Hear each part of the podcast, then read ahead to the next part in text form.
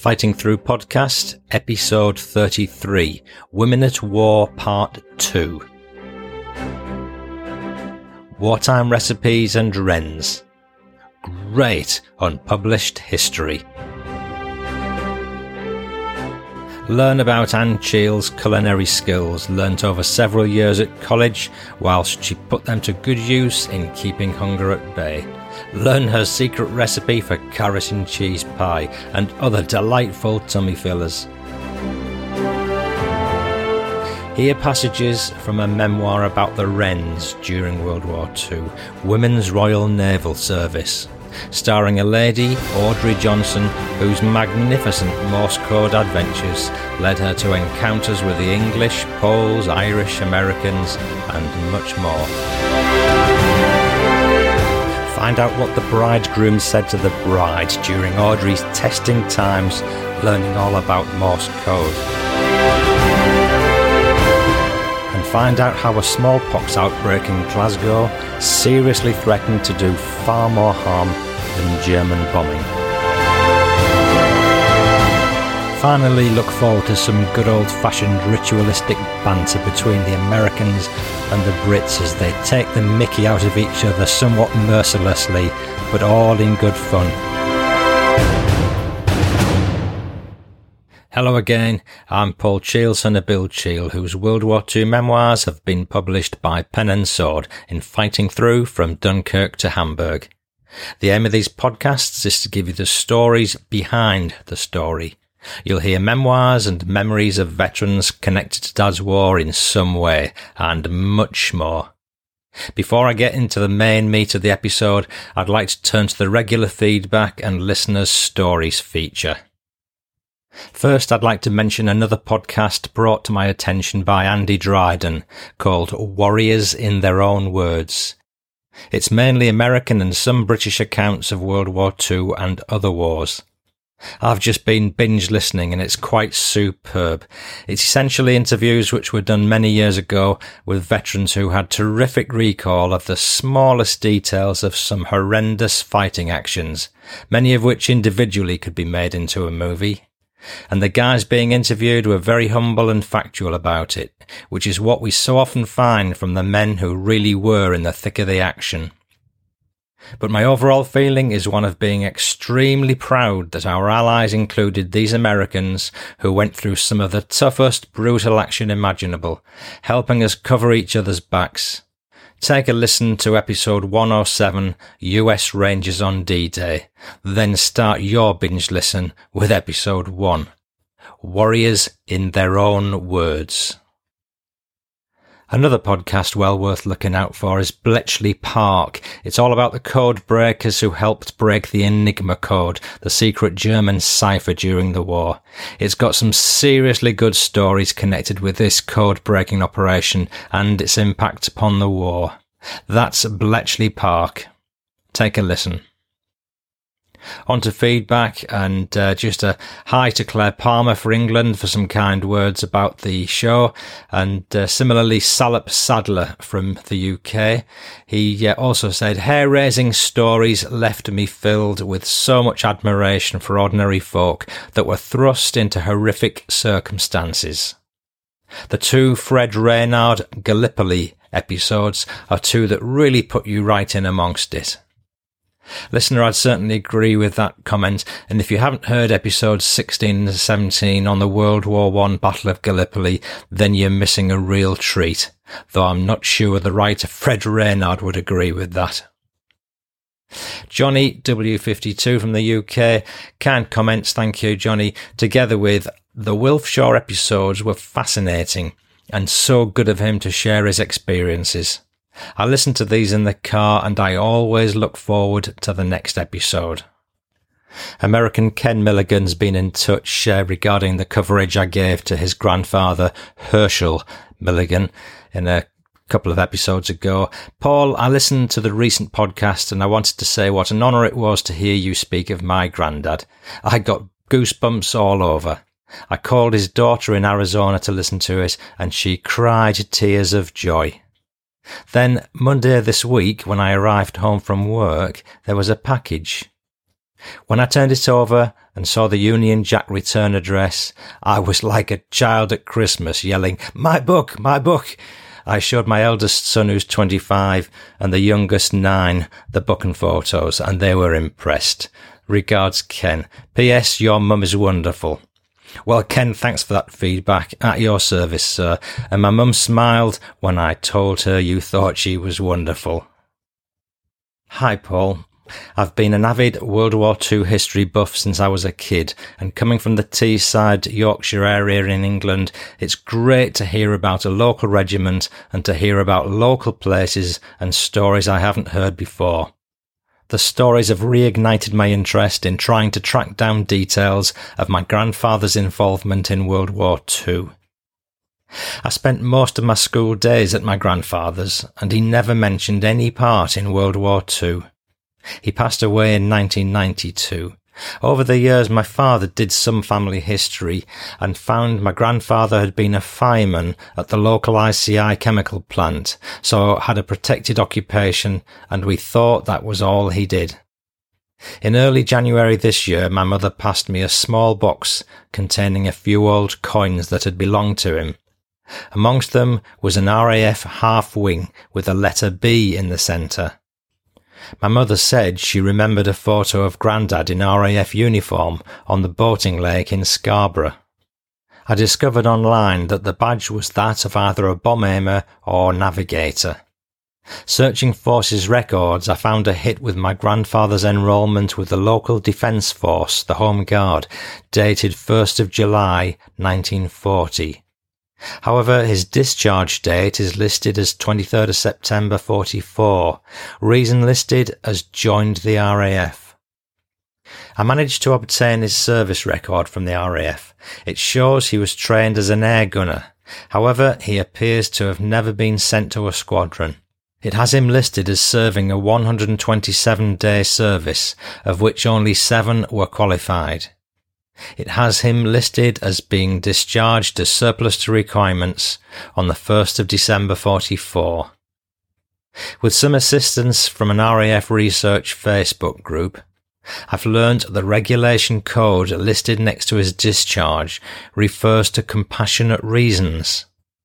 I don't think the family will ever know what happened at this time. I was lucky that the Durham Local Defence Volunteers Home Guard records have been digitised. Otherwise, I'd never have been able to start this journey. The only English county to do so, as far as I'm aware. I've managed to piece together that his Home Guard regiment was 19th Battalion Durham Light Infantry, which covered the Stockton area. I've unfortunately been unable to find any details of anything they did during the war. This brings me back to the badge. I hadn't been able to find an example of the badge, so posted a photo of it to the RAF Research Facebook group. It was pointed out that it wasn't a standard badge, but most likely a sweetheart brooch, specially made for servicemen to leave with their loved ones when they went away.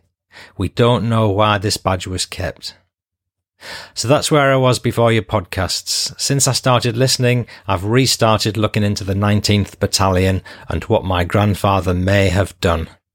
I've tracked down photos of the battalion and hope to look through my mother's photo collection to try to identify him. Thank you for all the time and effort you put into your show. Please keep going. Regards, Dave D. Dave, thanks for that. I think you've started on a journey that I started myself not all that long ago, but I was extremely lucky that Dad's memoir gave me a great start to learning more about his war. Dave, try the www2talk.com forum for your research if you haven't already. If you do dig out any interesting history on your granddad, do get in touch again. For now, thanks for making the effort to write in and give my regards to Peasholm Park in Scarborough. I recall going there often as a lad and watching the naval war battles being reenacted with model ships. And finally, Dave, say hi to Beaky for me. Johanna Young from Sweden's been in touch. Hello, Johanna. She said, Hi, Paul. I recently found your World War II podcast on Spotify, and it's now what I listen to at work. I'm a 23 year old Swedish welder and sit between 7am and 4pm, just amazed by the stories you tell. My fiance and I are military fanatics, and I'm so grateful for you sharing so many untold stories and aspects that no one talks about. My grandparents, born in the 1930s, never wanted to talk about what their experience was during the war. And even if Sweden wasn't active like other countries, some stuff did happen here. Sadly, my grandfather passed away last Christmas.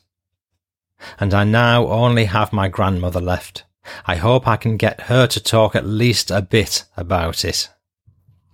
I find myself almost crying sometimes, but often smiling when listening. One of the moments that struck me the most was in the episode of Lancaster Lily Mars, when you read the letter the Australian man wrote his parents. It was so loving, but oh so heartbreaking to hear. Next time I visit my grandmother, I will absolutely ask her about the war. You've made me want to save the last pieces of both my heritage and the memories of my relatives. Well, Johanna, it was good of you to share all this, and I'm so grateful for that last sentiment because it helps to make my work on this podcast so very worthwhile and rewarding. In fact, Johanna and I have been in touch, and uh, if she can get her grandma to share some of her wartime memories, she's going to send it in and we'll share it on a show. Wartime recipes. Because of the challenges of importing certain things during the war, many things had to be rationed. That was done using ration books, which each family was issued with. As a result, families had to find ways to manage. You'll have heard a little about it in the previous episode 32, Women at War. I wanted to expand a little on the wartime recipes bit mentioned by my mum, Anne Cheel. So what follows is a few brief conversations I had with her at various times on the subject. How she made the best of what provisions were available. Okay, let's talk about uh, rationing, yeah. We? Food was rationed. Bread, meat, butter, uh, margarine, lard. Do you ever remember going hungry? No, never went hungry. You had enough. Yeah. It's a pity we didn't have rationing today, really, isn't it? It is. We were, be- we were healthier yeah. then. Yeah. Oh, and chocolate was rationed. Yes.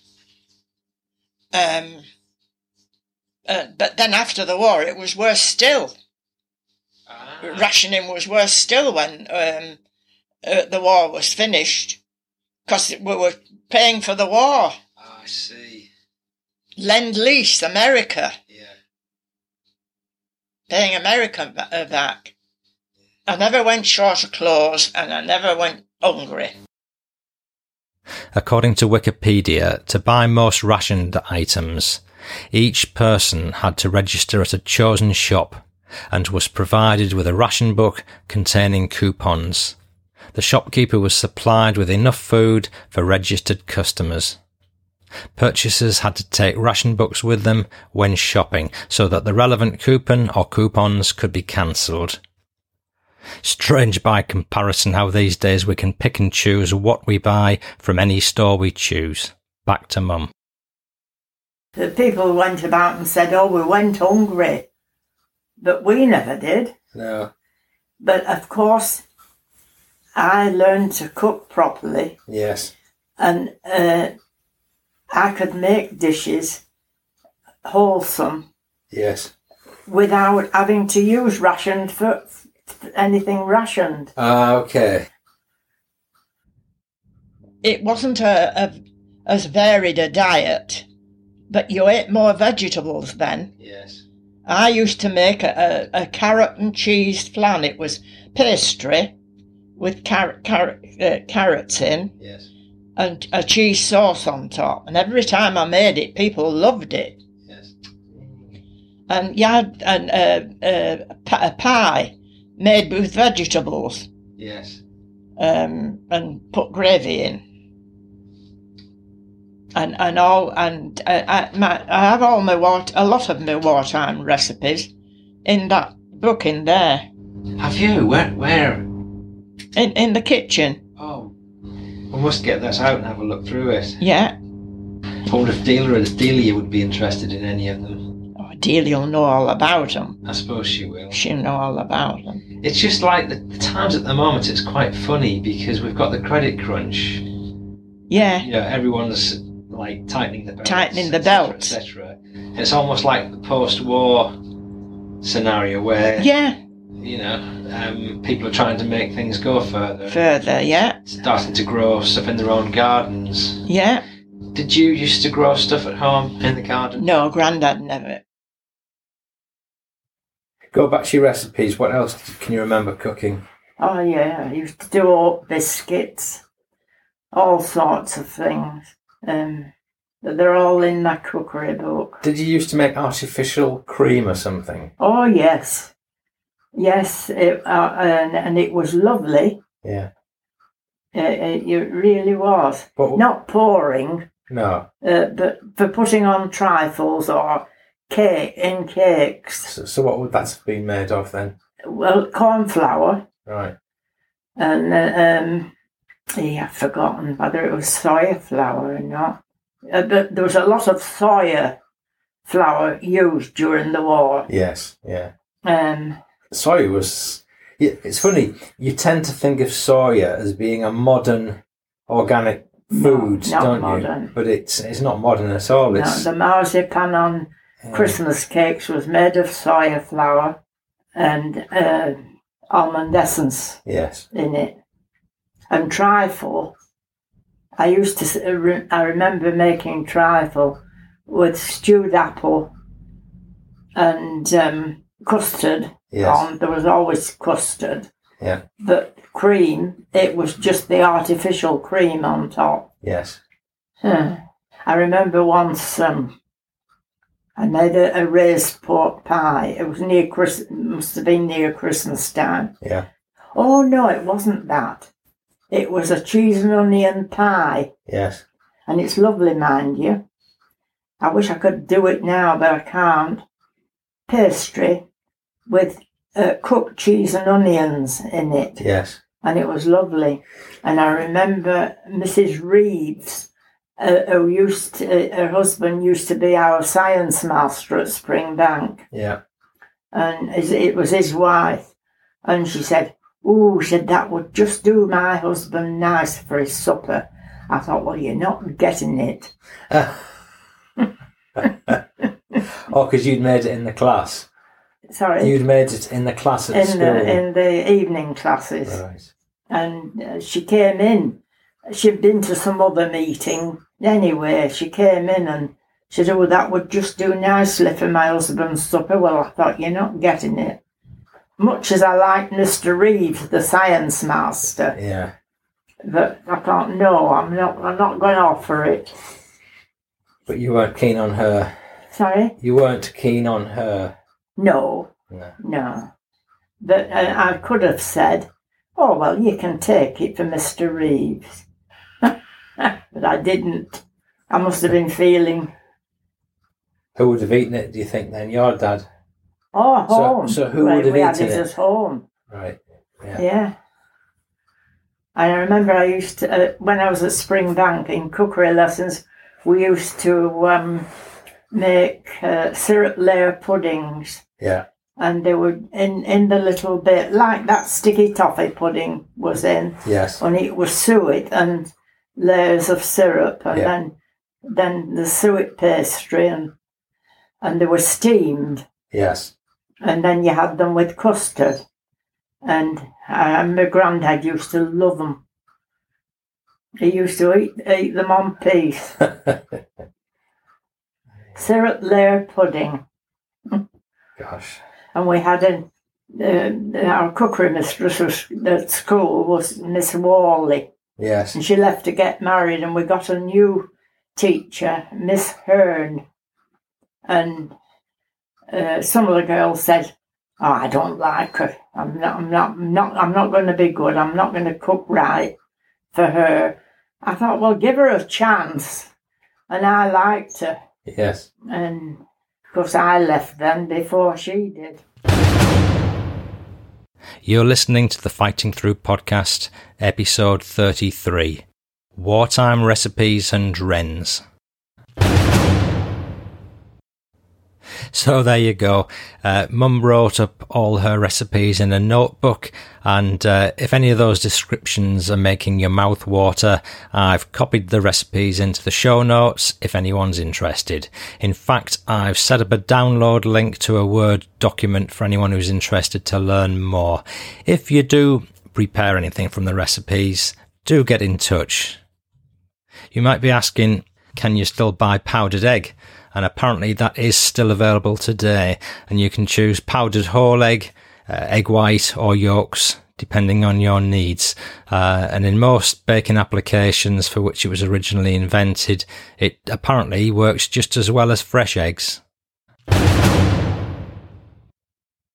Not wishing to uh, diminish Mum's culinary capabilities, I now want to move on to what I think is fairly the main event for this episode. It's uh, extracts from a book called Do March in Step Girls, a Wren's story by Audrey Johnson. It was first published, self-published about 20 years ago, and it's another book I found in uh, like a charity shop or a car boot sale, I can't remember now, but uh, another book that really, you know, was more deserving of a bigger profile than this one has. But uh, it's funny how some of these books are becoming quite collectible in their own right because they were a fairly limited circulation and they're certainly fetching pounds rather than pennies. This is a Wren's account of almost four years, early 1942 to late 1945, as a wireless telegraphist set mainly in Londonderry in Ireland when it was an American naval base. Audrey, in her foreword to the book, says, We were extremely patriotic, ready to give our lives rather than allow that man Hitler to tell us how to live, and so proud to be part of Britain's Royal Navy. Hitler was not allowed to invade, but Morse did. At the Marconi Wireless College in Dundee, everything turned into dots and dashes from car horns to dripping taps, and there was a warning that we could become dit happy. Escort ships from western approaches battled across the North Atlantic, many never to return, while German U-boats refueled off the coast of Donegal. It was a desperate world out there. Convoys to and from America were keeping this country going, and although we danced and flirted, we took our part in the Battle of the Atlantic very seriously. So, uh, WRNS was the Women's Royal Navy Service, and the uh, girls who worked in the WRNS were called Wrens. Now, let's see if we can manage to halt at the same time, shall we? Ready? By the left, quick march. Left, right, left, right. Squad, halt. At ease. I was not at ease. Had never been so cold in my life. The east wind sent knives around my ears. My nose dripped. Chill Chilblains were killing me, and we were off again. By the left, quick march, left, right, left, right. We must have looked a ragged bunch of young women still in civvies from smart to dowdy, faces pinched, noses red, and few of us able to distinguish left from right. A few people had stopped to watch, but not for long. It was too cold in a February east wind in Dundee, Scotland, by the River Tay. Oh, do march in step, girls, the voice was pleading. It looks so much nicer. She was a lovely petty officer who knew so well how to deal with newly recruited Wrens during their first few days in the service. Nothing like the squad drill I'd seen on newsreels, with red-faced men bawling their heads off. She looked up at the sky. I think that'll do for today. Looks as if it'll snow before long. Left, right, left, right, squad, halt!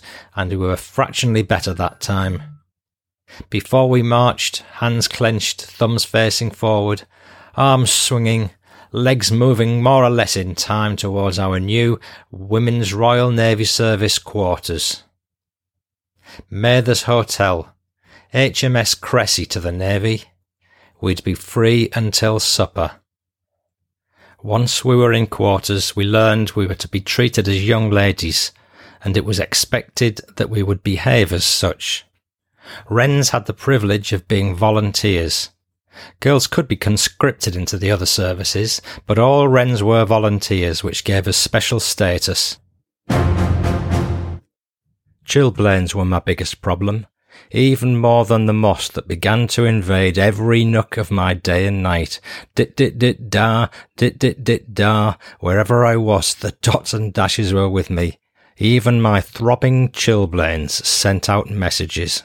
I hobbled off to college each morning, silk stockings on my legs and a good stout pair of brogues on my protesting feet. It was a bitterly cold winter. The bare patch of thigh between stocking top and knicker leg was blue with cold, and my feet were always like ice. There were painful swellings under the balls of every toe, and my heels were large, misshapen lumps, filling out the shoes, causing agonies. Once in the warmth, the pain and the itching began.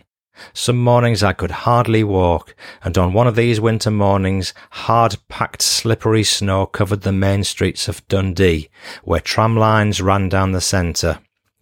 My stiff, hurting feet in their stiff, cold, unyielding, sensible shoes skidded.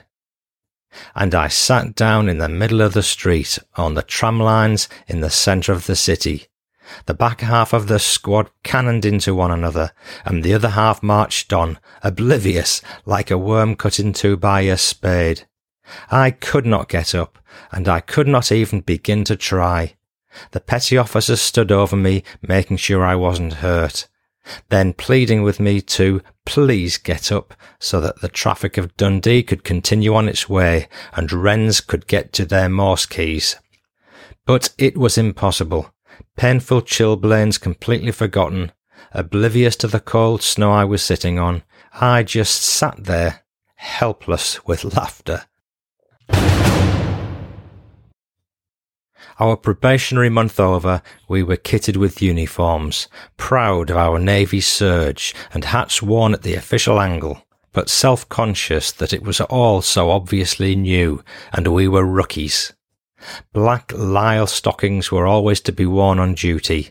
Silk ones were acceptable off duty at our own expense. From then on, all uniform items had to be bought from naval stores known as slops, for which we received a small uniform allowance. Dots and dashes were everywhere. Peas and potatoes, eggs and bacon, the creaking of the floorboards, the rattling of trams. In fact, waiting for a tram, I was not willing it to stop with words going through my mind, but with the Morse for stop transmitting. I was in danger of becoming dit happy. Coding was introduced into our lives. We were to be responsible not only for transmitting messages through the ether to our brave sailors in their gallant ships, but we were to wrap up their meaning safe against the enemy. Ballroom dancing was fun when I wasn't spending more than half the evening just looking on, as all the other girls were picked out as partners one by one, leaving me to stand and watch. Having put on weight during my first few months away from home, I paradoxically collected most of the small men. I also collected the poor dancers, those who waited until the floor was crowded before making their stumbling, too left-footed way towards me a number of pairs of silk stockings were laddered at the Dundee Palais by men who should have been banned by law from ever entering the doors of a dance hall. One evening during my usual wallflower act, I noticed a young Air Force pilot who looked somehow familiar. I didn't know any pilots, so it took some time for me to realise that the last time I'd seen this one, he'd been wearing white flannels and old school blazer with tennis racket in his hand in my home village. His father was one of the managers of the factory where my father and stepbrothers worked. A good looking blonde with wavy hair and rather shy. I'd often admired him from afar, but didn't move in his circle and had never spoken to him. However, there was an excuse me quick step, so I excused his partner and we began to dance. I think I know you, don't I? I began tentatively. I think you live, but he already knew. He'd noticed me around the village, knowing who I was. He was very charming, a quiet young man and so very handsome in his uniform. We danced a few times, and at the end of the evening he asked if I would be there again the following Saturday. I walked back to the Mathers Hotel with a nice little glow inside. Not only had he been very nice to me, but he'd actually asked if he would be seeing me again the following week, and he was the son of my stepfather's boss. Uniform did make a difference to life. After a week of the now familiar things, divisions, PT, gas lectures, letters to home, coding and Morse, visits to Kyler's and finally Saturday morning squad drill, came Saturday evening. And I was once again standing at the side of the dance floor, this time looking around for a pilot. He didn't seem to be there, but at last I recognised another pilot who'd been with him the previous Saturday. Excuse me, but do you know if Jim is coming? He said he'd be here. I was a bit apologetic. After all, Jim had probably got a regular girlfriend. I had no claim on him. I just wondered. I'm afraid he won't be coming. And before I could say anything, I was told, he caught it last week. My young pilot from home was dead. Killed on a night raid over enemy territory, as they said in the BBC news bulletins. I walked back to quarters remembering the song we'd first danced to. I could hear the music and the words and the lively quick step rhythm of Don't sit under the apple tree with anyone else but me. The music wouldn't leave me. How I hated that Hitler. I was more determined than ever to become a good wireless operator, to do my little bit as well as I possibly could. He would not be allowed to kill our young men and to goose step in that ridiculous, exaggerated fashion over most of Europe and get away with it. And he most certainly was not going to set his silly goose feet in Great Britain. I cried myself to sleep that night, as much from fury as from sadness for the handsome young man from home. There was a smallpox outbreak in Glasgow, and we were forbidden to visit any Scottish town. We were not to be guilty of bringing the dreaded disease to Dundee, but I had a boyfriend from home newly stationed at Scone with the RAF, and the way to Scone from Dundee by bus was usually through Perth, but that was out so I wound a tortuous way by bus, avoiding the town and seeing a great deal of the surrounding countryside before spending a very pleasant afternoon with Harry. But unfortunately, I stayed too long, until my only way back to quarters by ten o'clock was to change buses in Perth. I was racked by guilt for days, wondering how on earth I could live with myself if I brought smallpox to all the new recruits who'd not yet been vaccinated, and to the rest of Dundee. I was convinced that someone must have seen me lurking in the Perth bus station. If they did, nothing was said, but I worried about it for weeks, not having any idea what the incubation period was, or whether, being vaccinated myself, I could still be a carrier but there was no outbreak of smallpox in Dundee. My posting came through to Londonderry in Northern Ireland. That's a dreadful place, some kind Wren told me. It's got a dreadful reputation. It was apparently an American naval base, and the prospect of that did nothing to encourage my enthusiasm. My friend Jean and I discovered we had two American Marine officers in the room next to ours, and there was a communicating door. When we were sure they'd left the building, we tried that door, only to discover that they were as afraid of us as we were of them. They, they'd barricaded themselves in, or us out, with their dressing table. The wireless office was at the top of the building, dingy, smelling of stale cigarette smoke, stale coffee, stale people and acid from the battery room manned 24 hours a day. We were introduced to the transmitters and receivers we'd be using. Dots and dashes echoed around the room. Low pitched, high pitched, faint ones, squeaky ones, intermittent signals that were not coming through properly, badly transmitted Morse that kept missing its dots, and high speed stuff, all coming over headphones. And through all of that traffic over the ether, we'd have to pick out the signal meant for us, and not lose it. College had been nothing like this. We met the Wren coders who'd be working with us and were shown the battery room where accumulators had to be constantly on charge. That sulfuric acid was choking, and we learned that it would be a deep breath, then a hurried in to throw a switch, then out as quickly as possible. The responsibility was suddenly frightening, but the wireless officer was kindly and welcoming. So much so that he invited me out to dinner the following evening. He was a man old enough to be my father, and I could only suspect why he'd given me the honour. Our next visit was to the American transmitting station that was responsible for our signals reaching far out to sea. It wasn't nearly as dingy as our wireless office, and we came away laden with Hershey bars of chocolate, gum, and packets of camels and Chesterfields. Life in Derry had started. That evening, the four of us went down to dinner rather shyly amongst British and Canadian officers, American officers from all their services, army officers from various countries, and a sprinkling of civilians and British officers' wives. On the menu were steaks, grilled to our liking at the head of the dining room by a chef in a tall white hat, fresh salmon or chicken. It was all a dream.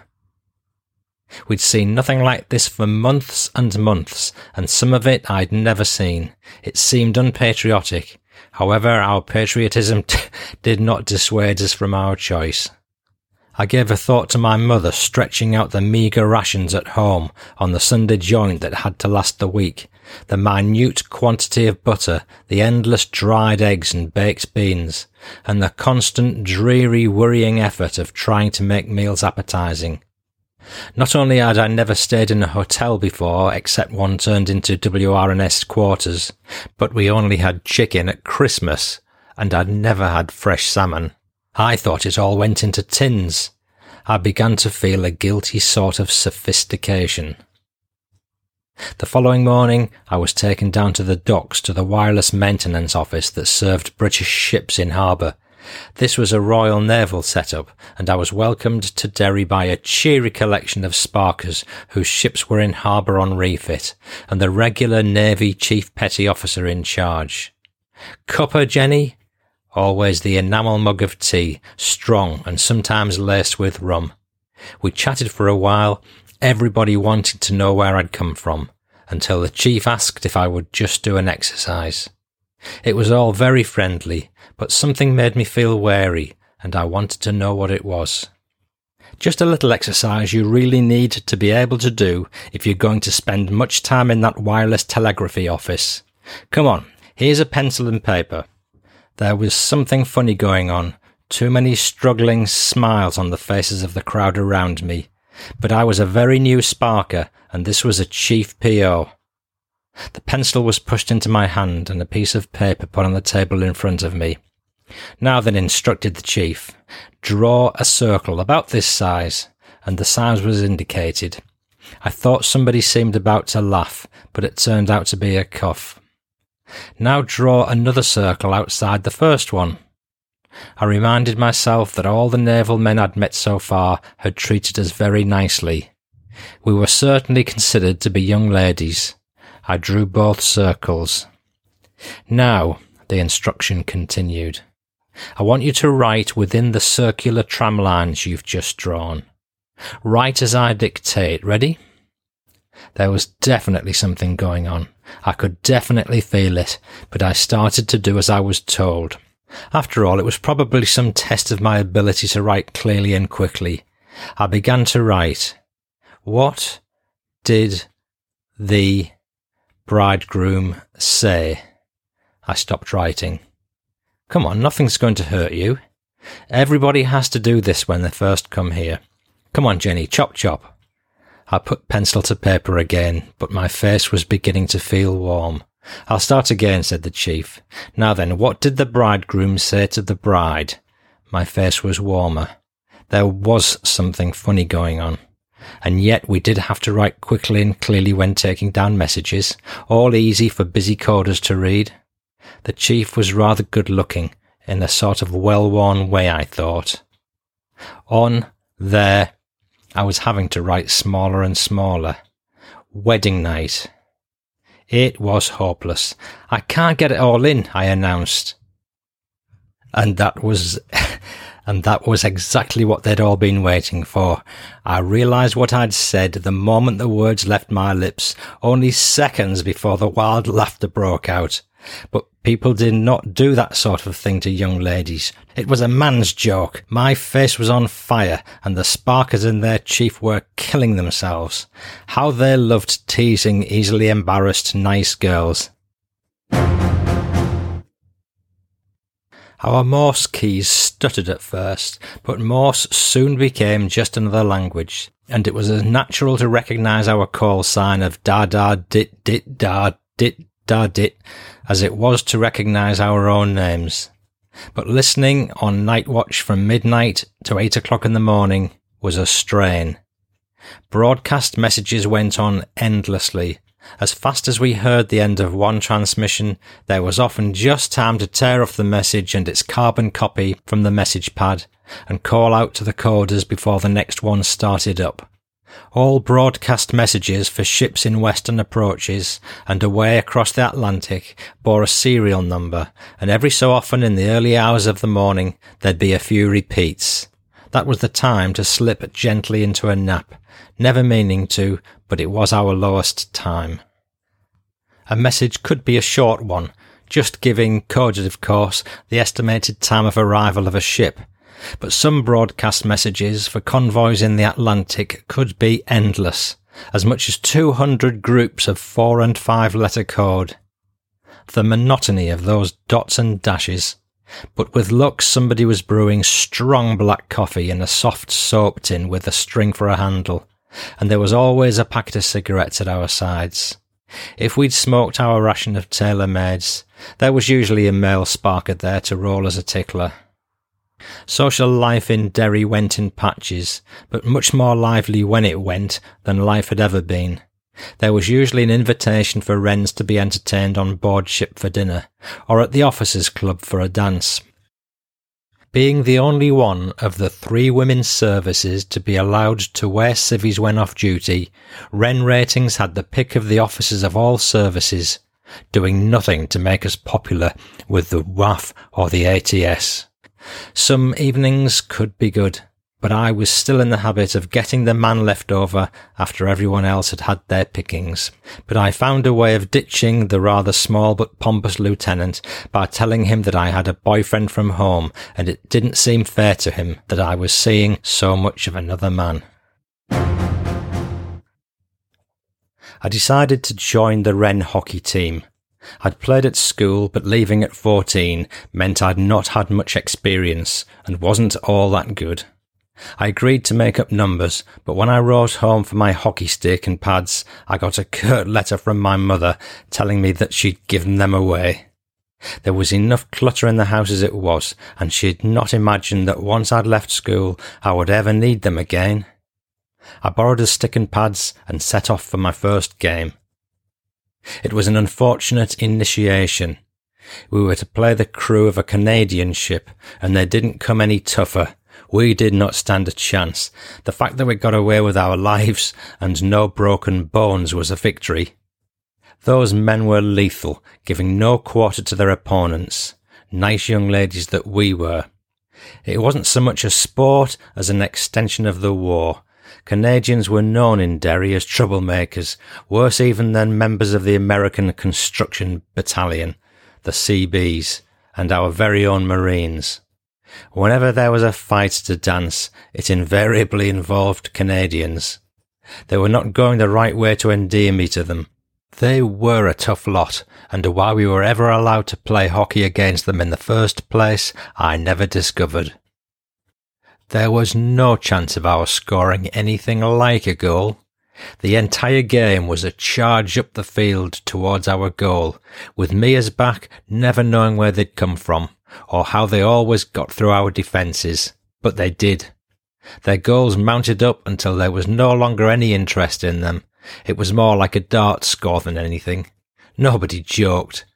Our opponent saw no humour in the crazy massacre, and we were too busy protecting our shins and every other part of our bodies to be much amused either.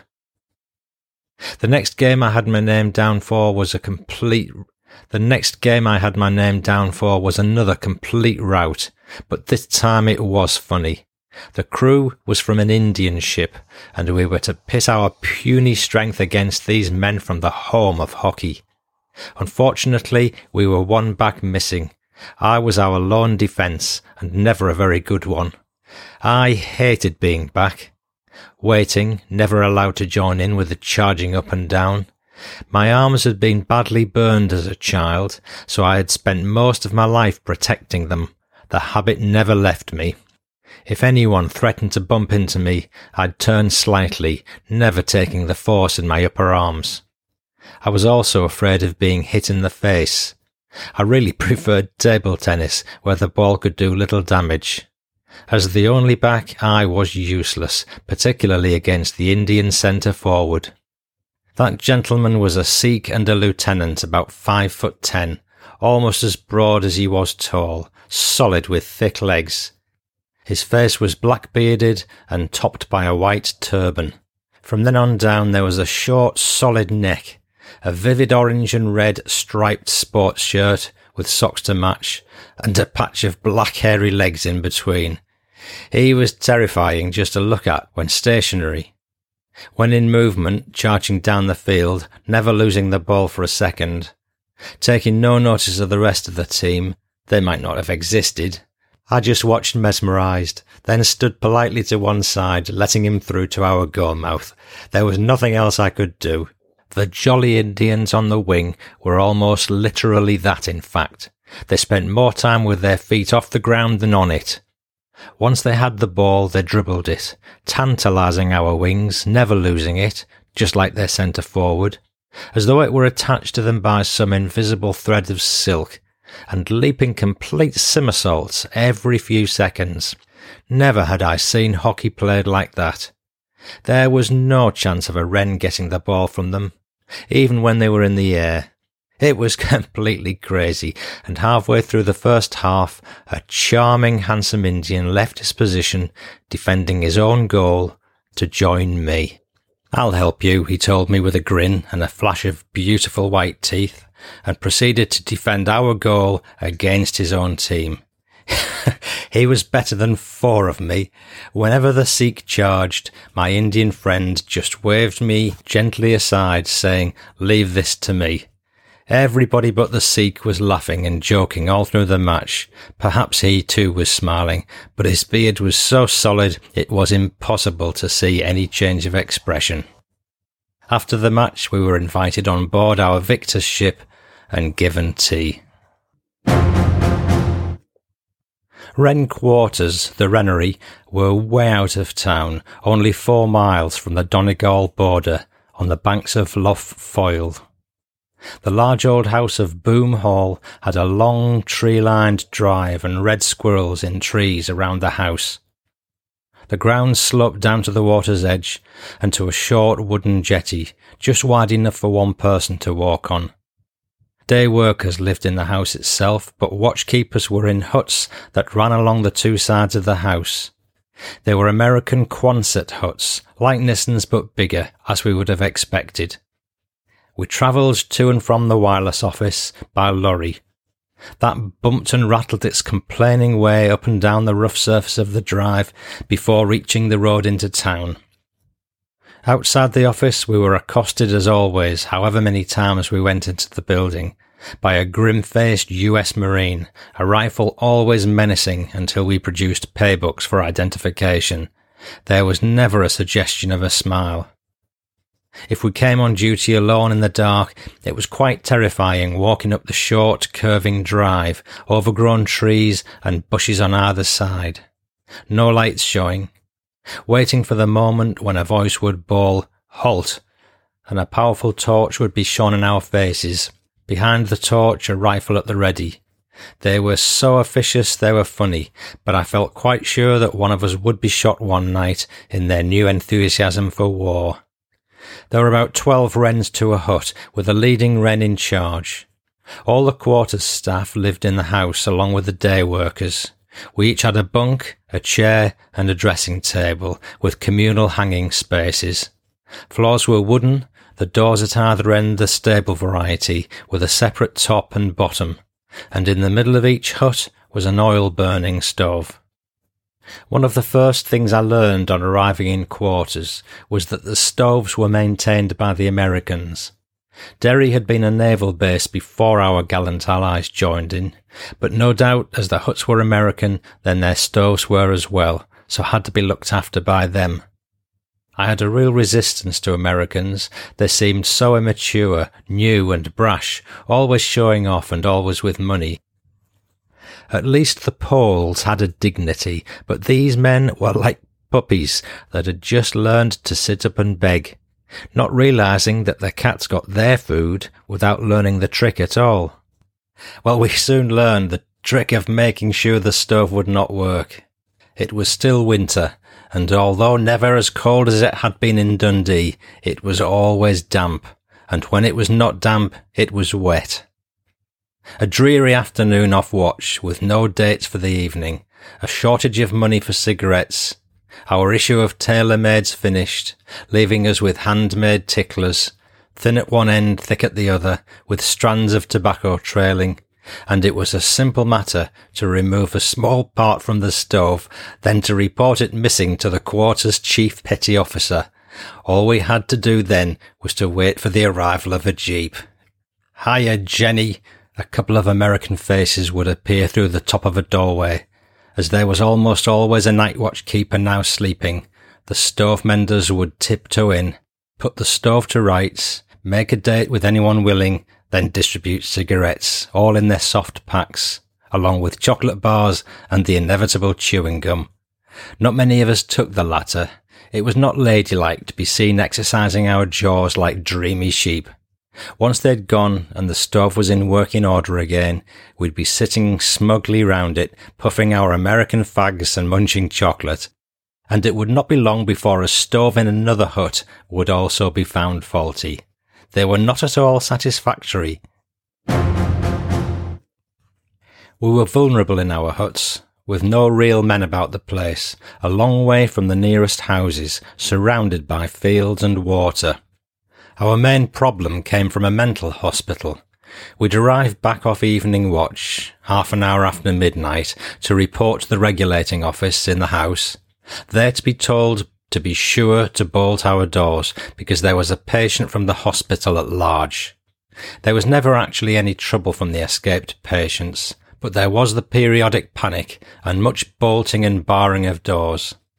The bolts and bars were fine while we were in our bunks, but a trip to the ablution block during the night could be terrifying.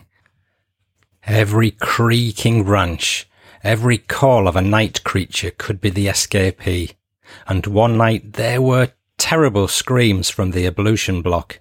A girl had gone into a lavatory to find a rat on the seat, and she'd not seen it until she had first bolted the door, then turned.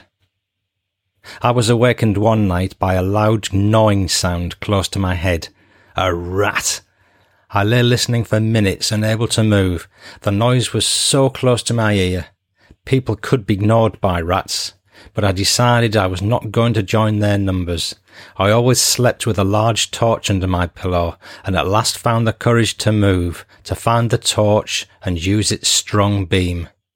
There on my dressing table, just by my side, sat a small mouse, eating the remains of a shortbread biscuit I'd left there the previous evening. I had no idea that a small mouse with the biscuit could make so much noise. The little animal wasn't expecting any interruption to his midnight feast and continued crunching for quite a few seconds before jumping down to run away into the night. I threw the remains of the biscuit after it and never left anything edible there again. Dit dit dit da dit. Every message started with the VE sign in Morse, followed by our call sign, MFN in dots and dashes, always sent three times, followed by dit dit dit da, the famous V sign familiar to everyone who listened to the BBC during the war, meaning from, in this instance. Then came the call sign of the sender, transmitted three times. That would be the moment on the ship to shore frequency to switch on the transmitter, to send back the call sign of the ship three times, then V, then our own call sign three times, followed by K for carry on. That was alright if the message was clear and we could expect to receive it all. But if the signals were weak, or if there was a stronger message already on the air to someone else, then things could be difficult. Sometimes the message would begin reasonably strong, then take to waving on and off frequency, so that half the message would be lost and a repeat necessary, then another repeat. In the middle of a third or fourth repeat, concentration strained to its limit, some idiot ship that had not listened out before transmitting would cut out everything, completely. Tempers would become frayed. The message we were trying to get down might be of immediate priority that the cipher officers had been waiting for, whereas the thoughtless fellow blotting out everything was probably only asking what his strength of signals were.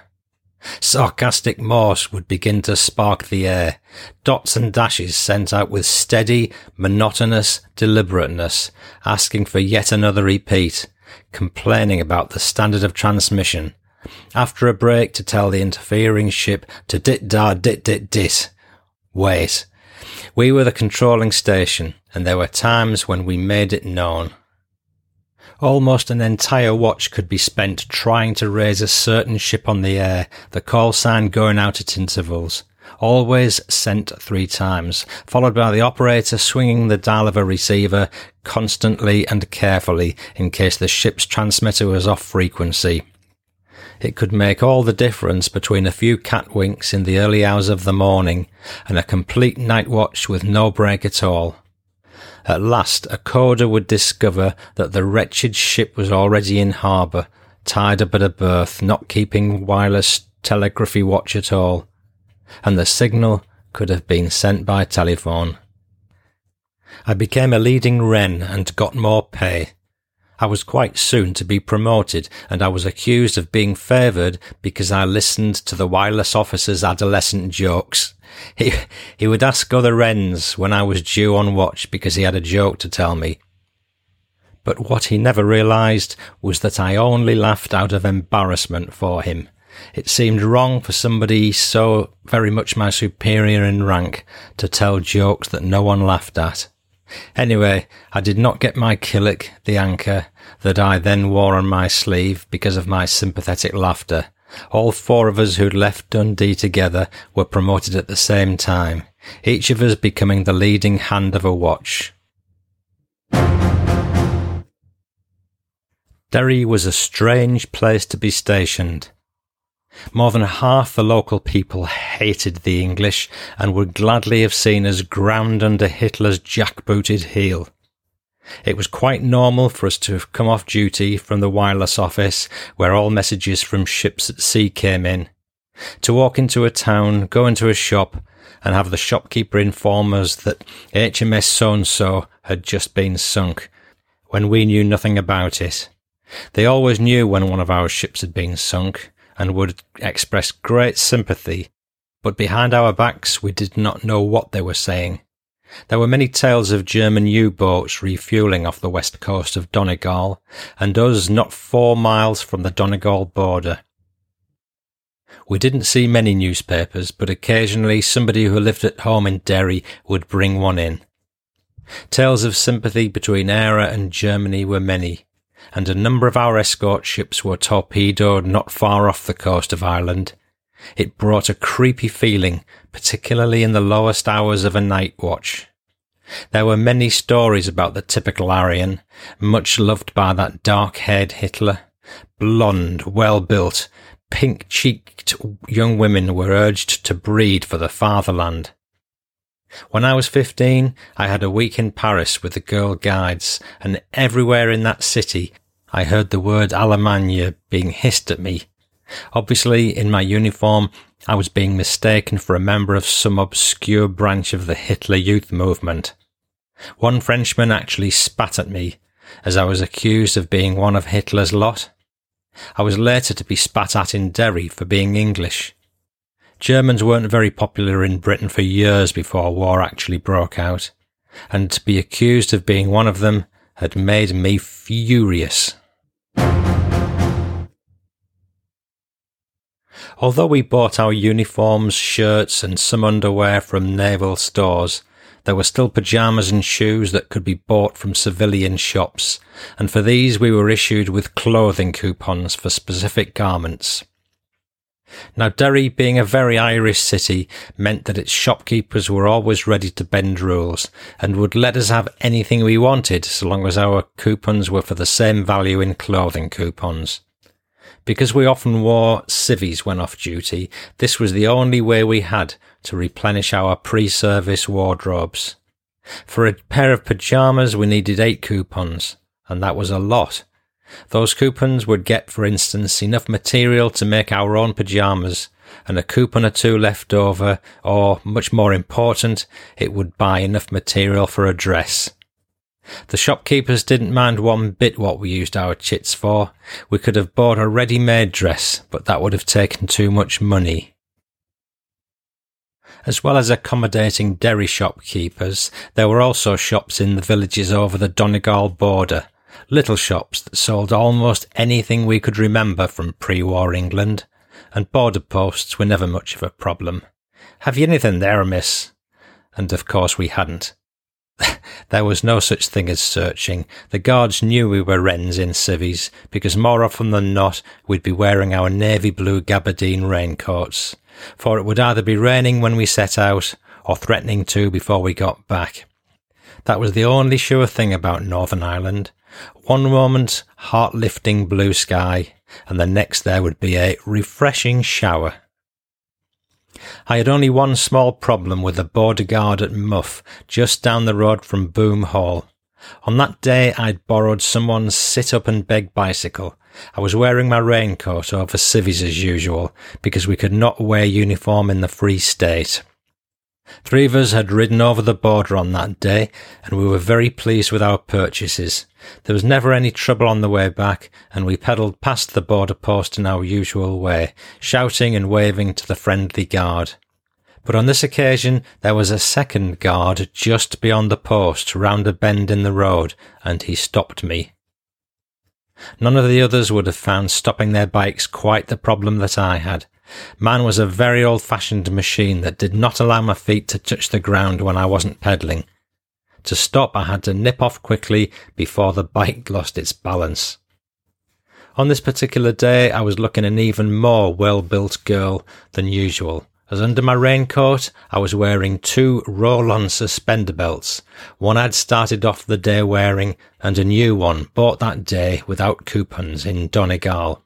They were the most uncomfortable garments for a figure like mine, but there was little else at that time to keep my stockings up. When I discovered the suspender belt, my midriff enjoyed its first taste of daytime freedom. Being short in the body, the wretched garments were always too deep for me and constantly rolling down, giving me a thick curling ridge of elastic around my waist. Wearing the things was always torture, and wearing two was killing me, but that wasn't all. Along with the extra undergarment, I had also two lengths of dress material wound round my waist. The whole lot pulled in tightly by the raincoat belt. All this and the not easy to manage bicycle made sure I was not exactly in charge of the situation. I'd been caught at a bad moment. To make matters more delicate, tucked under my left armpit was my real treasure, a bottle of lacto-calamine. That liquid makeup that I'd always used in the days when it had easily been obtainable. And how it stayed under my arm as I left from my tail bike, I'll never know. There was also the shock of being stopped, an unheard of thing. What secrets had the guard learned? Have you anything there, miss? The banjo local accent inquired. He knew I had. I knew he knew. He knew we all had something. We always had something or other when we came cycling back so innocently. But we never carried anything terrible. The guards had much bigger fish, and anyway we were bringing good custom to the small village shops. The bottle came to rest somewhere between my armpit and the tight belt, and managed to stay there as I remounted my difficult steed and assured the guard that I was not carrying a thing. Well, a good day to you then, but it had given me a nasty turn, and by the time we were back in quarters, I was utterly exhausted, peeling off my extra wrappings with supreme relief. One day in sick bay, I found myself in the next bed to a girl whose father had been a landscape gardener on the French Riviera before the war. The wren and her mother had escaped at the last minute, travelling through France mostly by night, and eating as best they could. For a time they existed on stinging nettles. It sounded incredible and extremely romantic. My life had been so dull. The only danger I'd been in due to the war had happened at home, when a landmine landed in fields about a quarter of a mile from the dance hall. There'd been no warning. The whole building shook as though about to collapse, and all the dancers automatically moved to the sides of the room. There was little panic, no screams. We all just stood waiting. But nothing else happened, and as soon as the band collected its wits and resumed playing, dancing started again. But I'd been completely immobilized for a time. It was my first experience of real life or death fear, with no idea how I'd react. I just froze. Apart from that experience and many nights sitting in our cleared out coal house, listening to the heavy hum of German aircraft on their way to bomb Coventry, and one nasty raid on Leicester, I had been cosseted compared with so many of my companions. One day I'd only just come out of sick bay when I sat on the arm of a heavy leather chair sideways onto a table, and the next moment I was on the floor in a pool of blood, with people dashing upstairs at sick bay for help, or hovering around, not knowing what to do for me. Not you again, Johnson. We thought we'd just got rid of you, was Sister's comment as she and the MO bent to help me up to assess the damage. The chair had tipped forward from my weight on its arm. The other arm had then swung over, hitting me on the head, and I'd been deposited mouth first onto the table, the full weight of the heavy chair making sure the contact was powerful. Coming slightly out of the daze, the first thing I discovered was that the three top front teeth, which should have been pointing straight down from my jaw, were sticking out horizontally. I pushed them back into their original position with my tongue. There was blood everywhere. A petty officer on a minesweeper had promised to bring me a bathing cap back from Gibraltar, and on this very day I got a message saying he was back and wanted to see me. I could just imagine what he'd been told by whoever had taken the phone message, that I'd fallen over and cut my lip. I had to make an effort to get in touch with him. Bathing caps were no longer in our shops.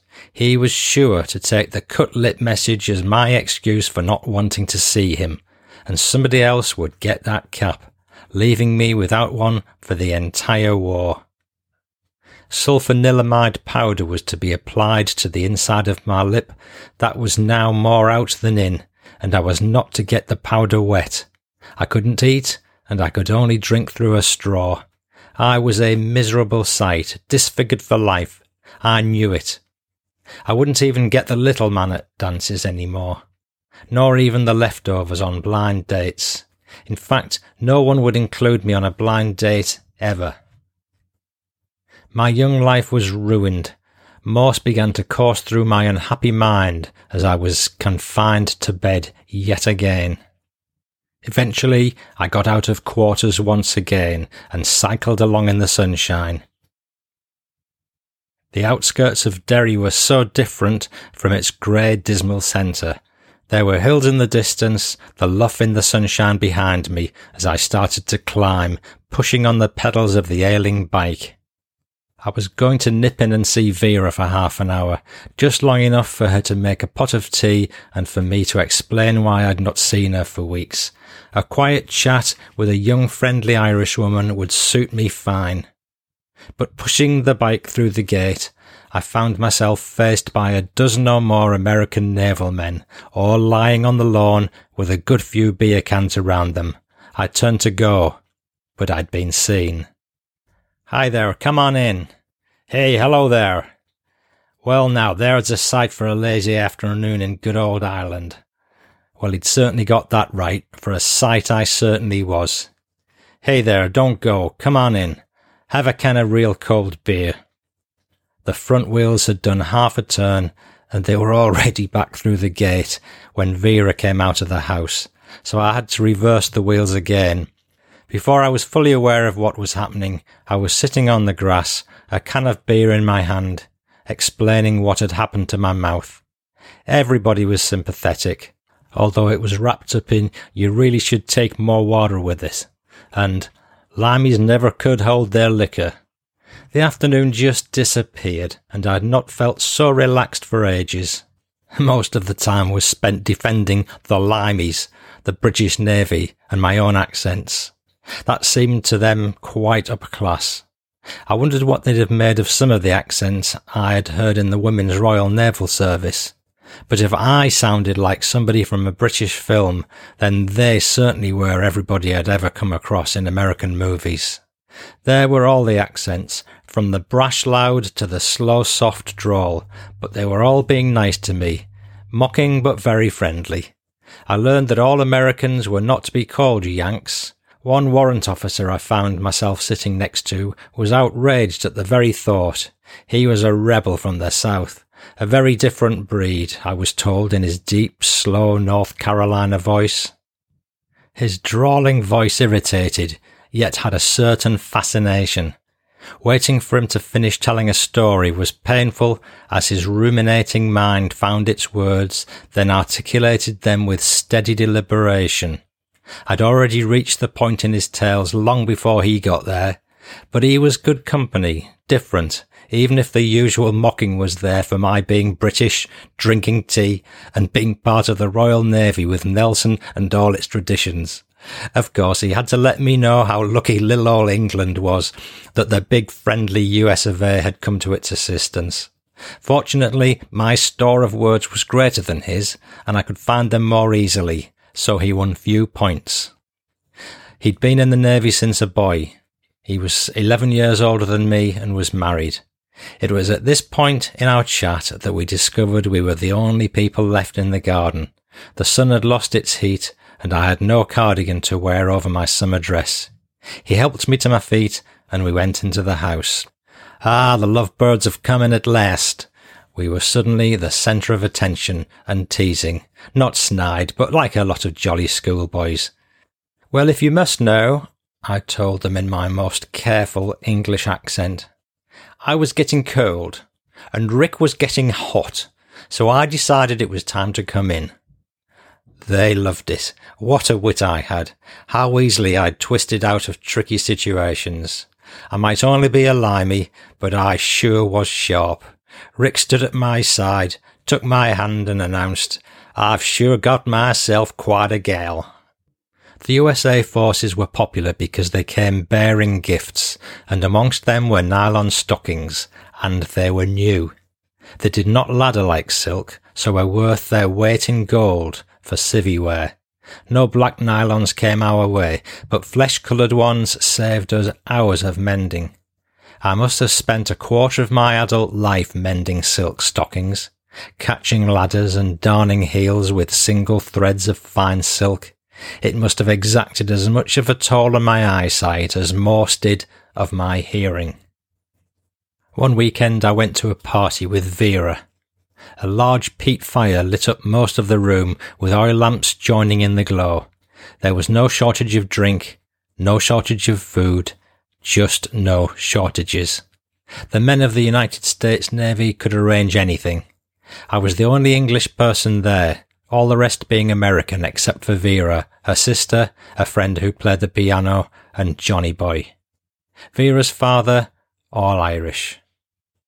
Johnny Boy was a great character with a wonderful store of tales to tell of his life in the Royal Irish Constabulary before partition, of the Troubles and the Black and Tans. He was great crack, sitting in the corner by the fire, his pipe being puffed steadily as he paused to give emphasis to a point. His glass was kept topped up, keeping him sustained, as his audience sat fascinated by his rich accents and his rich vocabulary. The smell of the pipe and the burning turf, the soft light of the lamps, and a steady supply of alcohol created a relaxed atmosphere. I was so glad I'd come, and so glad that I was countrified. Vera sang arias from light operas in a good soprano voice, and I was persuaded to give a few folk songs. Jean wouldn't have found it at all to her liking, but I certainly did. I was the youngest there, a girl and a limey, racked constantly on both counts. Rick only left me to fill up a glass. Finally, men who had to get back on duty went their way, the rest of us preparing to retire for what was left of the night, and I discovered that Rick had been invited to stay, just as I thought. Vera showed me to my room, and Rick came in behind her. I got undressed quickly, hiding underwear under my dress, on a chair, nothing to give him ideas. The bed was warm and I was tired. But I also liked this American. It would be very easy just to allow him into my warm bed. After all, his arm had been around me for most of the evening. The door opened, sending a candle flame into a wild dance. Bedclothes were right up to my chin. Just came to make sure that my favourite limey gal was all nice and comfortable. And he bent to kiss me. Okay there? Well, I was for that moment. But I was wary. This man was married.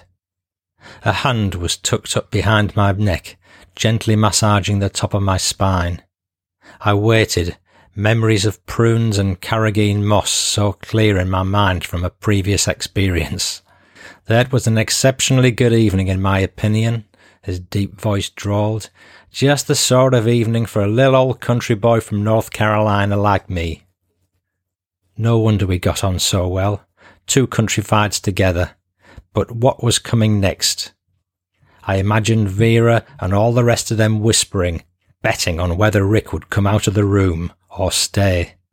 Or did they know from past experience that he would stay because he always did, whichever of his women was in that room? Well now, old girl, and he mimicked my English.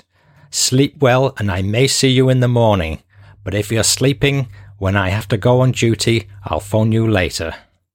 Then with one last gentle, careful kiss, he blew out the candle, crossed the room, and closed the door very gently behind him.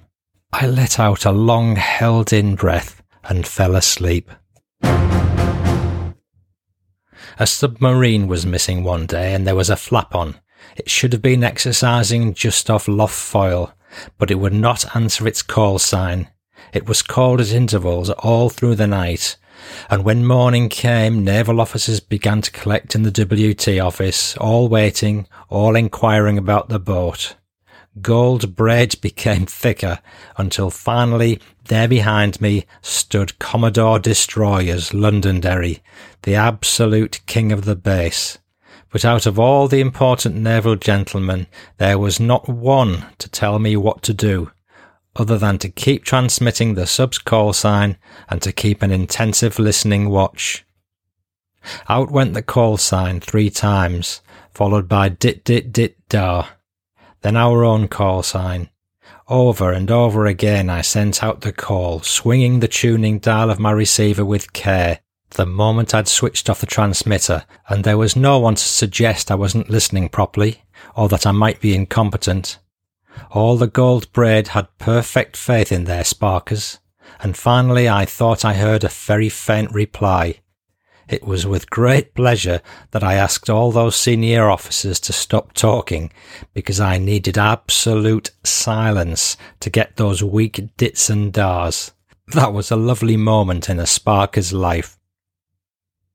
During the quiet moments of a night watch, we had many political discussions with almost everybody anxious to vote Labour in the next general election. Labour was to be the party to put everyone's wrongs to rights. Once in power, they would have jobs for everybody, and only the jobs that people preferred, with as much money as anyone could imagine themselves needing. There'd be freedom for everybody to live exactly how they dreamed, with an escape from all personal inadequacies.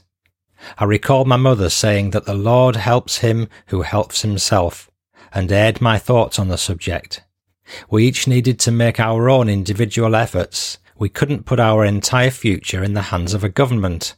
They owed us nothing. And that brought a tirade from two coders whose life had been very cosy.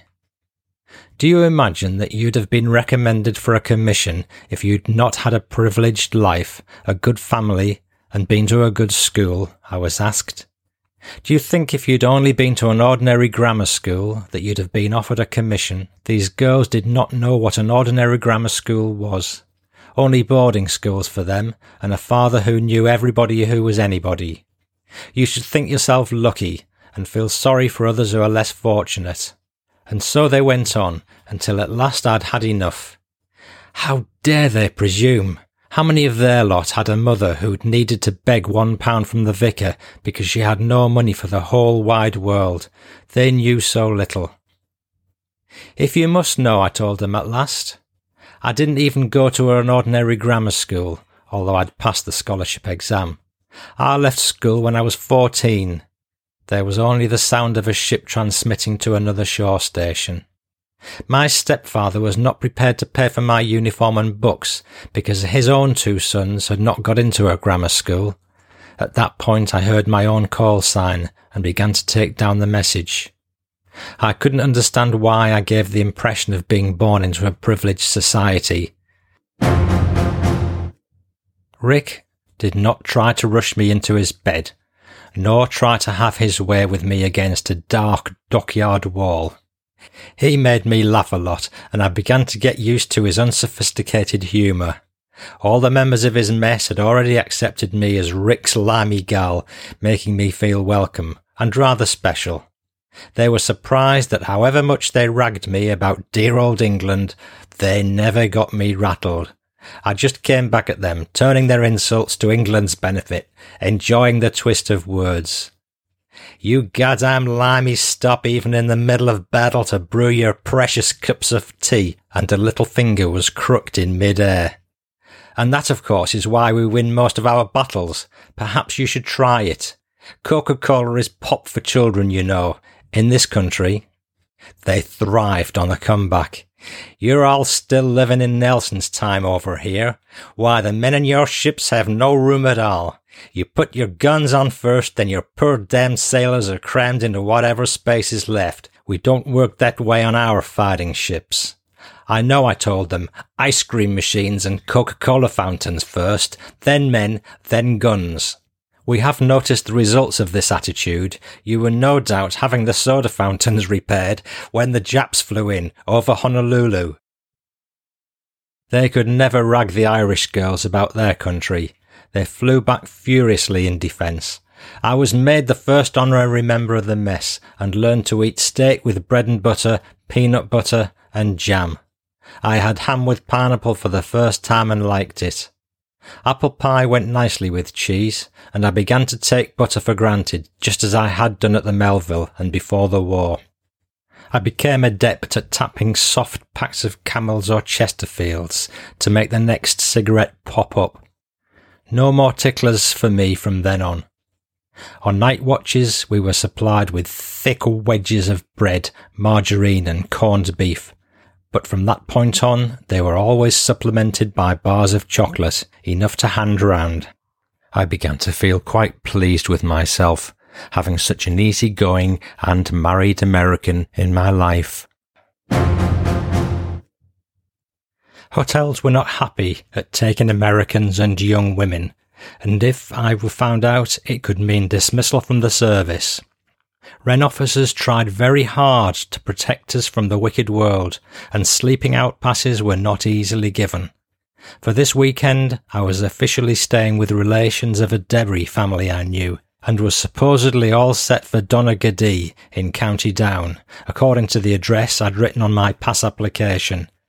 If it were found out I'd told a deliberate lie and had gone for a weekend with an American, I couldn't bear to think of the consequences. Our plan for the hotel was for Rick to go in first, alone. He'd book in, be shown to his room, then come down to sit in the lounge and order a drink. Half an hour later, after a walking tour of the town, I would book in. Then, having been shown to my room, I too would find a seat in the lounge. We were both in civvies, although Rick was obviously an American serviceman in navy blue trousers and black leather bomber jacket. I was sure our clever subterfuge would be quite obvious to the receptionist, She'd read my intentions perfectly by the pink gilt on my face. There was no slipping into hotels incognito during the war. Members of His Majesty's forces had to show their pay books at reception and hand in ration cards. Civilians had to show identity cards and hand in ration books. My legs were shaking, my face was getting pinker by the second, and I was convinced I'd be found out. I was afraid. I was happy. I was all things as I walked into the lounge wearing a grey pinstripe costume, bought with the inevitable pyjama chit. Greatly relieved to see Rick already drinking and in relaxed conversation, establishing himself as the friendly type. After a few minutes, the American in the navy blue trousers and black leather bomber jacket turned to me. You from around here? I pretended to be surprised by his question, giving him no encouragement to develop a conversation. My local drama society would have been so proud of me. No, I'm not, was all I told him, with a rather watery smile. Ah, you're English, and I nodded. Not in the forces, are you? Other people in the lounge were listening, I was sure. It was, after all, a familiar pattern.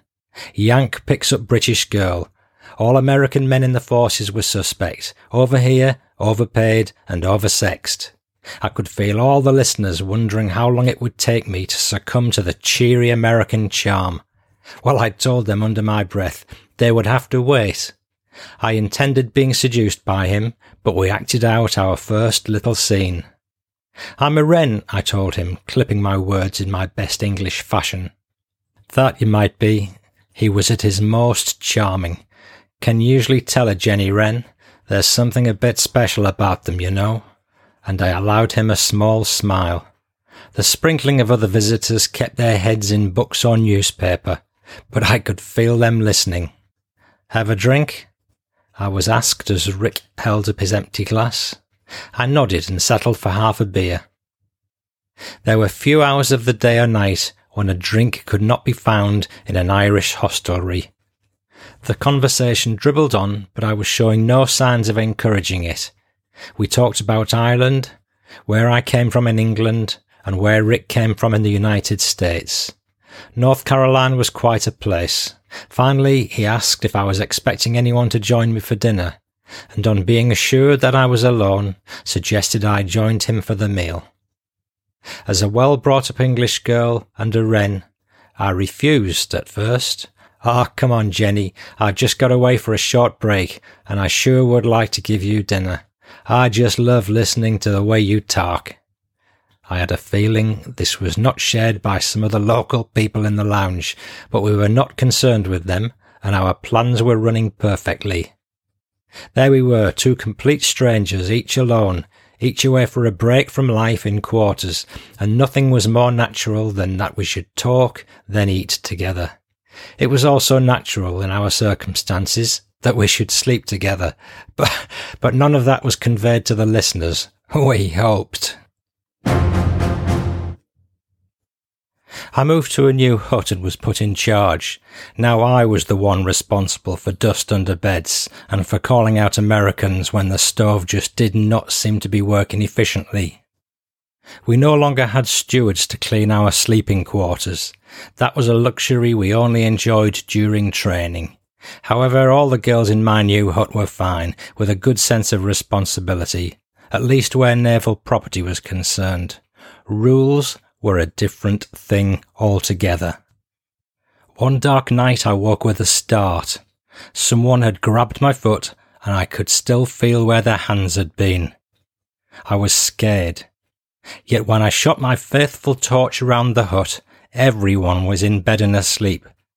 But the top half of the jaw was ajar, and there on the floor from the door to the end of my bed and out again were wet footprints.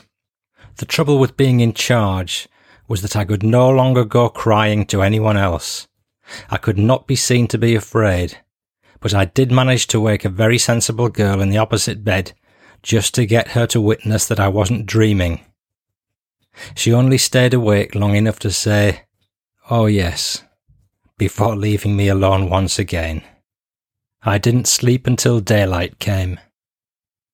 Having gone through the possibility of an escapee from the mental hospital, a common marauder who'd not intended waking anyone, a merry sailor who'd come up the Lough in a dinghy, or the ancient caretaker drawn by erotic dreams of me and my vest. I finally worked it out and proved it later in the day. A girl in the next hut, whose bed was in the same position as mine, had slipped out after rounds, returning in the early hours mistaking my hut for hers. I was only too relieved to have that mystery solved and promised not to report her. In fact, far from reporting her, I soon began to take a leaf out of her book. Parties at Vera's always went on until dawn, at least, and for me to be back in quarters by ten and eleven o'clock on one night a week was no good at all. Everything was only just getting warmed up when I had to leave. So I went to the regulating office. I would go to hand in my station card and meekly walk out towards my hut. But once outside, I'd be off down the drive to where Rick would be waiting. The time to do this was after an evening watch, when we returned to quarters just after midnight, after rounds had been done. Then I'd be free to spend the rest of the night, and I was spending every minute when we were both off duty with the American. Life was good. Although most of my thoughts were with my American and the private off duty life we led, the war went on its way, and so did my official life in the Wrens, with its endless streams of Morse. Everyone knew I was having an affair, but duty came first. Most of the time I went out in civvies, but occasionally, if just off watch, I'd turn up at Rick's quarters in uniform, but never wearing regulation navy blue knickers, Wrens for the use of, from stores. Those dark blue passion killers were known in stores as blackouts, as they certainly were, with their yards of material and elastic in the legs. We bartered our clothing chits for more feminine garments, only folding the blackout neatly on our beds for kit inspection. A new notice appeared on the Boomhall green baize board, referring to blackout curtains. Wrens must be careful with their blackouts. They cannot be washed or the light will show through, but they must be taken down occasionally and shaken.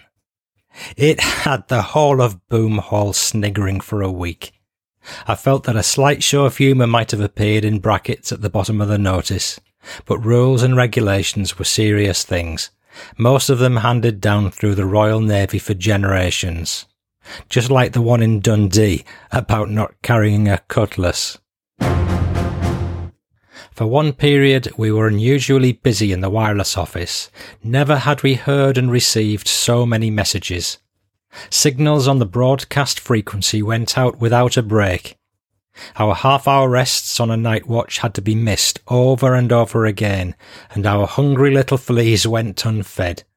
We drank more black coffee and smoked more cigarettes than ever, and could be receiving messages on the broadcast wave for four hours without a break.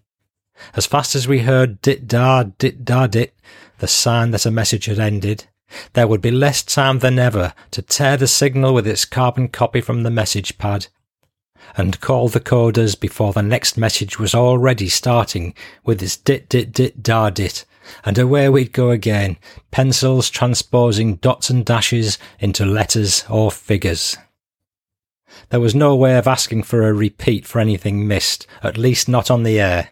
The only way to get a missed group of code or cipher was to phone Liverpool, but that was not popular. Each of the broadcast messages had a serial number, and the great fear we had was that on a really busy, tiring night, we might have missed a message, having nodded off for a minute or two. Very often I'd been out all evening before going on duty, so that as the night wore on and I felt myself drifting into a much needed nap, I began to wish I had not had quite so many glasses of alcohol. The relief of hearing the next consecutive number, realizing that it was the next in the series, was an immense relief. We took our duties very seriously, even if we were a bit giddy in between. On the ship to shore frequency, the tone of each of the shore stations became familiar. Some sounded as if they were rebounding off a ceiling, and others as if they were coming from the bottom of a swimming pool. Some were always faint, but Liverpool was always clear. Some notes were thin, others full and echoing, whilst Greenock signals sounded as if they were coming out of a large cocoa tin. In the early hours of one morning, during a lull on the ship to shore frequency, I heard a ship calling Greenock. There was no reply. The ship called again, but there was still nothing from the shore station. If a ship could not raise its shore station, then any other shore station would take the message and pass it on by teleprinter. Again the ship called, and just as I was about to tell it that I would pass its message, Greenock replied, but there was something wrong. This was no echoing cocoa tin Morse. It sounded more like a ship's transmitter than that of a powerful shore station. There was not the usual strength of signal. I was convinced something was wrong, and eventually got a coder to phone Greenock to find that they'd not touched their transmitter for the past half hour. It had been someone using their call sign, and it was decided it must have been a U-boat intercepting. I was thanked for my diligence and had a short daydream of being cited for my detective work on behalf of the country. But apart from the thanks on the phone, I heard no more about it.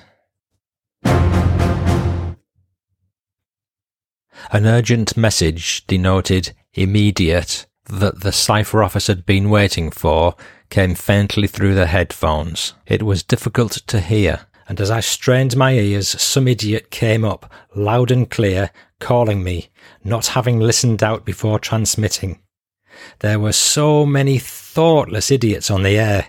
I ordered the unknown Sparker to stop transmitting, but there he was again, bashing out my call sign, cutting out every other passage on the air. My poor ship with its immediate message had stopped transmitting, its signal finished, and it was already asking if I'd received its message. But before I could tell him that I'd not, and that he needed to send the whole thing again, up came the idiot, taking up every corner of my hearing and every other operator's for miles around. Off I went again, telling him to shut up, sending my dots and dashes with deliberateness, sarcastic Morse and a loud dit da dit, R for received, came back with similar sarcasm. At least the fool had heard me at last, and now I could get on with my poor ship, who was asking if I'd received its message yet again. Now I was able to get back to him, to tell him that I'd been experiencing interference, strength 5, and would he please send his message again, all after group 15. After some minutes taking down a message with one hand, adjusting the dial on my receiver with the other because the signals were wavering on and off frequency, then missing a group of letters because I'd come to the end of my message pad and had to go to a new one by my side, which meant removing one hand or the other, I was finally only one or two groups missing. Back I came to him again, Repeat groups 21, 22 and 56. And the groups were repeated yet again. My loud idiot ship that was unable to hear my immediate message at all, and who'd considered by that time I should have finished with it, and been longing to hear all that he had to say, came up again, blotting out what I was straining every small nerve to hear.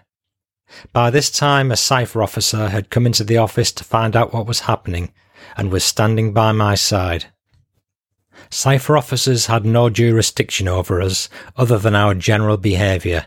In the wireless office, they knew nothing about our job, so had to accept what we did. I turned to her, pulled a face indicating that all was not easy, and I got a sympathetic smile in return.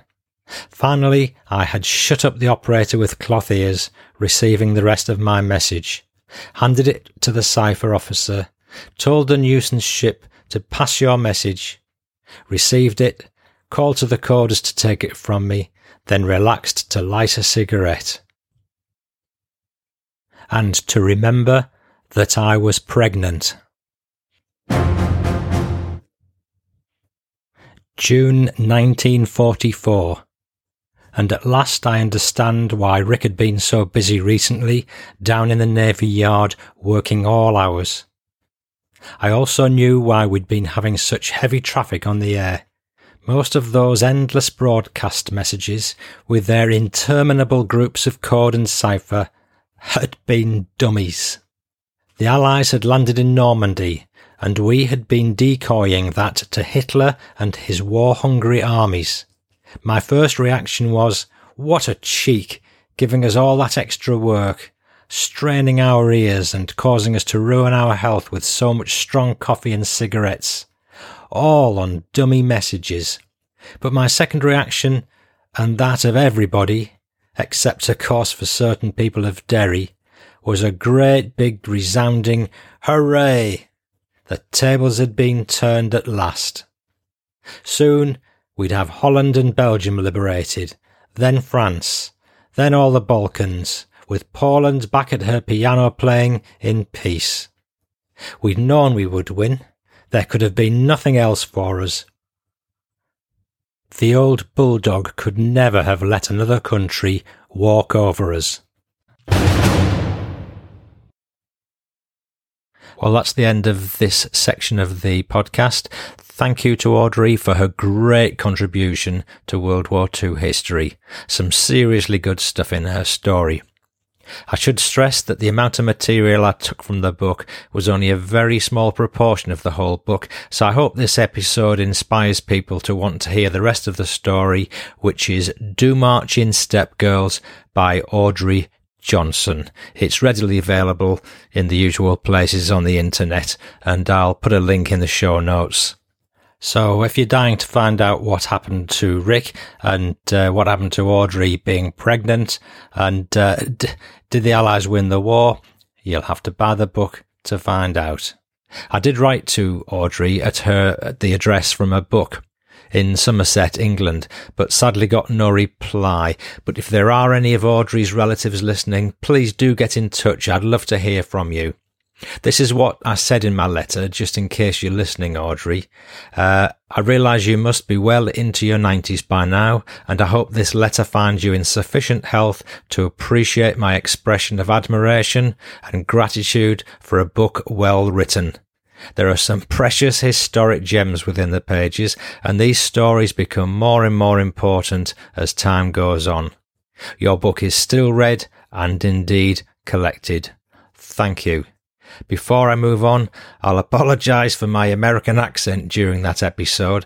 It's funny, but I always thought it was easy doing American accents until now. I hope you had a good laugh at it anyway. I certainly did. I've got a special bit of feedback for you now. It's from Justin Del Corpo. He sent it via the contact page on my website, fightingthroughpodcast.co.uk, and he used the facility called SpeakPipe, where literally all you have to do is click on a link and speak. So, as Justin's the first person to ever send me a message through this medium, I thought I'd share it with you because I think uh, from the feedback I've had in the past, uh, there's a lot of shared sentiment about what I'm doing. Here goes. Well, I'd like to say I love your World War II podcast. My name is Justin. I'm from Brick Township, New Jersey, and I've been listening every day while I'm at work. Uh, I'm a locksmith, so I drive around a lot, and um, very entertaining. I love the stories. Um, I just uh, at a loss of words sometimes because I've been looking into a lot of other podcasts and I'm interested in some of the other ones, but I, I, find this one highly interesting, and I really appreciate you for what you do and your time that you commit to this. And uh, just keep it coming, man, because it's awesome. I love it. I just want to say thanks again for what you're doing, and uh, have a good day. Thanks. Thank you, Justin. Next episode. I'm working towards a Dunkirk revisited episode in the future with numerous bits of feedback and follow ups on the various stories we've already heard. If you have anything to add about the Battle of Dunkirk, please do drop me a line. I recently had the most incredible email from a Frenchman, Benjamin Burrell, whose grandfather was at Dunkirk, and I'm investigating that a bit further, but it's a fantastic bit of news that I hope to share with you sometime. Dorothy McQuillan has also written in with a rather sad tale about her uncle. The promised interview with veteran Stanley Perry was delayed and is now taking place middle of September, so that's going to be coming up soon as well. We'll learn how he received multiple wounds in action during the Normandy campaign, amongst other things. Coffee with Stanley will be published at the earliest opportunity. I cannot wait. But as for the very next episode, I've decided to make use of a recording Wilf Shaw RIP gave me of a comrade being interviewed by someone many years ago. It's a chap called Freddie Lineker. All we had was a shovel, a small shovel affair, digging rock, and it, it, it was just like firing peas. It made no impression. In fact, it was the 25 pounders the artillery used, those open sights to cut a long story short, I was one that got back. We lost the patrol commander, we lost the company commander, prisoners, just like picking fish out of a bowl. Anyway, we got away on, on the three tonner back to uh, Gazala. So that was a short preview of an interview with Freddie Lineker about his desert war in 1942. So that's episode 34, Freddie Lineker, coming up next. That's nearly the end of the show now, apart from a PS coming at the end. In the meantime, thank you very much for your support. I do appreciate all the feedback I get. If you have any questions about the show or want to get in touch or look at social media, photographs, show notes, go to fightingthroughpodcast.co.uk. P.S. This is a bit of entertaining feedback from listener John Dady. Hi Paul, a story I remember from my mum. She was walking home from school during the war over the bridge at Chadwell Heath train station when a Messerschmitt flew down the railway lines and opened fire. A random bloke grabbed her and dragged her to the ground, probably saving her life. Whenever we used to go over there on the bus, she used to tell me how she was nearly killed by those Germans. John continues with his reflections on wartime recipes. I've been thinking back to when I was a kid in the late 60s, early 70s. My mum used to serve up food that she used to eat during the war. I don't think the kids of today would eat these meals. Pig's trotters, whole roast pig's head, lamb's hearts, liver and bacon, corned beef and spam fritters. No McDonald's or KFC for us. John, thank you so much for that uh, input there. Listener, if uh, the thought of eating some of those delicacies is a bit off putting, then uh, you've always got the option to go to the Fighting Through podcast website and look up some of my dear old mum's recipes. For now, I'm Paul Cheall saying bye bye now.